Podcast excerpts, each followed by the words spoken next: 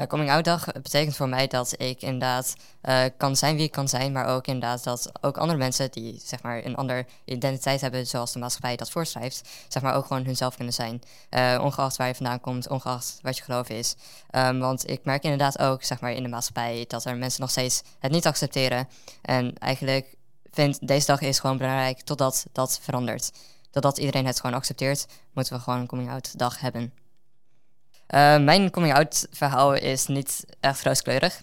Um, ik kwam uit een christelijk gezin, uh, best wel zwaar christelijk gezin, evangelisch protestants.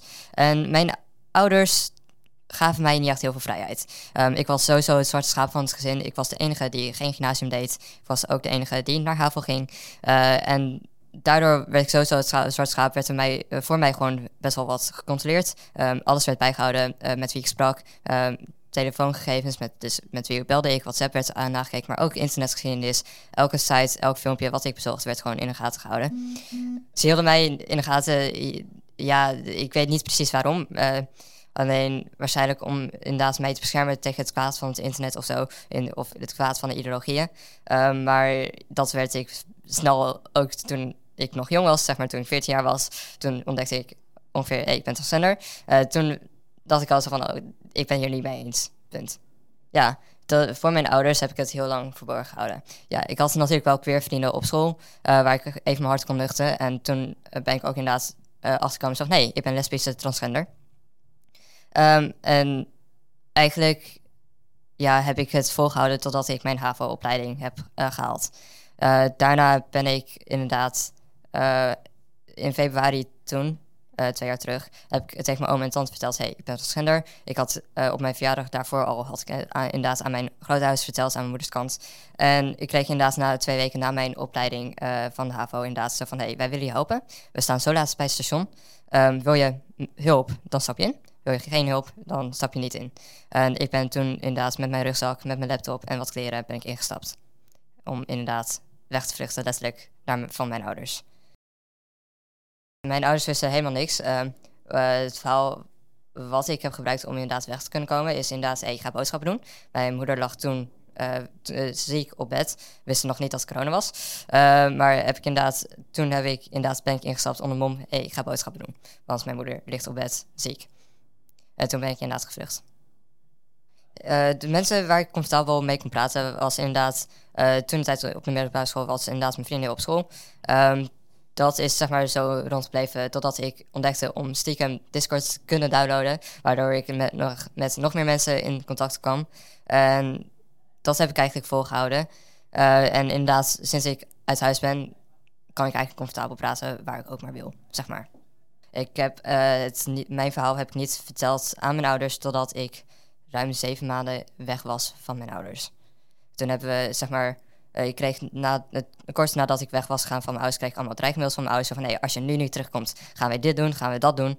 En ik heb in februari toen, uh, nadat ik weg was gegaan in 2023, uh, eh, heb ik inderdaad samen met overleg heb ik een nieuw e-mailadres gemaakt via Google. hebben we een mail gestuurd met alles, zeg maar, hoe ik mij voelde over mijn ouders. en inderdaad wat mijn identiteit was. Hebben die uh, hebben we die mail verstuurd. En dan hebben we de mail, uh, e-mailadres gelijk uh, verwijderd. Het was echt een bombrief qua informatie naar mijn ouders. Sowieso van, hey, dit is mijn verhaal, succes. Daarna ben ik, heb ik gewoon helemaal afgesloten naar mijn ouders. heb ik niks meer van laten horen. En denk ook inderdaad voor de komende jaren geen contact meer wil. Gewoon puur voor de mentale gezondheid van mezelf. Misschien ook van mijn ouders. misschien als ik inderdaad over een paar jaar zeg zo van... Hey, ik wil misschien nog contact. ligt er vooral aan wat hoe mijn ouders erover denken. Zijn ze veranderd? Ja. Zijn ze, ze niet veranderd? Dan maakt ze meer kans dat ik inderdaad even contact opzoek. Maar dat zal inderdaad niet uitbundig zijn zoals eerst, geforceerd. Het jammer is inderdaad dat het zo is gelopen. Um, want ik wens ook inderdaad niemand toe om zeg maar, ouders kwijt te raken. Uh, ook niet zeg maar, door een scheiding of door een een of andere ziekte. Uh, maar ik merk wel zeg maar, dat ik daarin wel de juiste keuze heb gemaakt. Um, ook als je kijkt naar het karakter van mijn ouders, vooral naar mijn vader, um, dan merk ik inderdaad van nee, ik heb gewoon de beste keuze gemaakt. Dit is wie ik ben. Uh, als hij daar niet wil naar luisteren, dan mag hij ook een klein beetje een tijdje opvliegen naar een, grote afstand ver van mij vandaan. Waar ik boos word, is zeg maar inderdaad hoe mijn ouders reageren. Uh, ik word ook best wel ja, boos, gefrustreerd, verdrietig van als ik ook inderdaad naar de buitenwereld uh, wereld kijk. Zeg van nee, uh, mensen worden nog steeds niet geaccepteerd hoe ze zijn. Uh, dat maakt best wel verdrietig aan de binnenkant. Want zeg maar, ja, mensen zijn gewoon hoe ze zijn. Je kan ze niet veranderen. Ja, het kan een fase zijn, maar dat is helemaal niet waar. in ieder geval hoeft niet waar te zijn. dus accepteer en steun mensen gewoon zoveel je kan.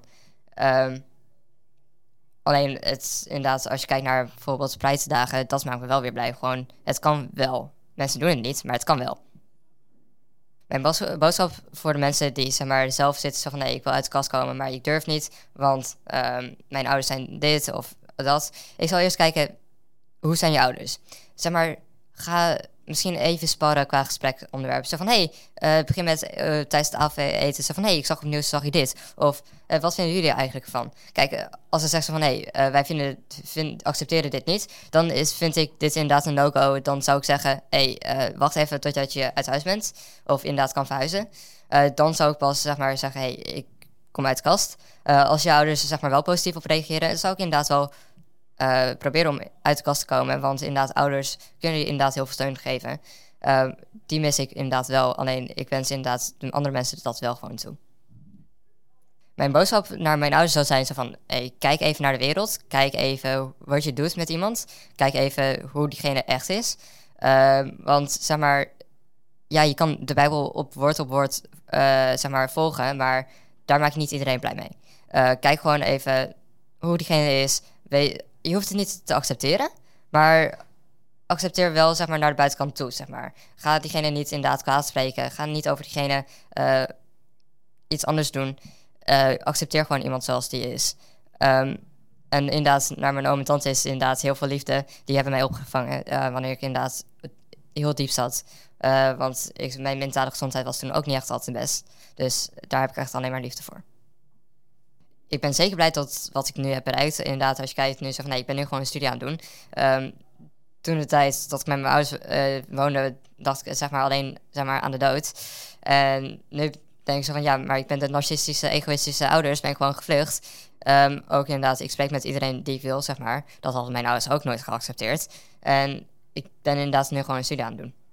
Ja, dus op dit moment, ja, um, als ik er nu over terugkijk, ik heb ermee gedeeld, ik heb het achter, uh, achter de rug. Um, ik ben nu mijn leven aan het leven hoe ik dat wil. Uh, zometeen gewoon lekker gaan werken na, na de studie. En inderdaad, ik heb mijn depressiviteit, suicidale depressiviteit, heb ik overleefd. En ik kan nu gewoon terugkijken van, ja, het was een donkere periode, maar ik leef nu gewoon.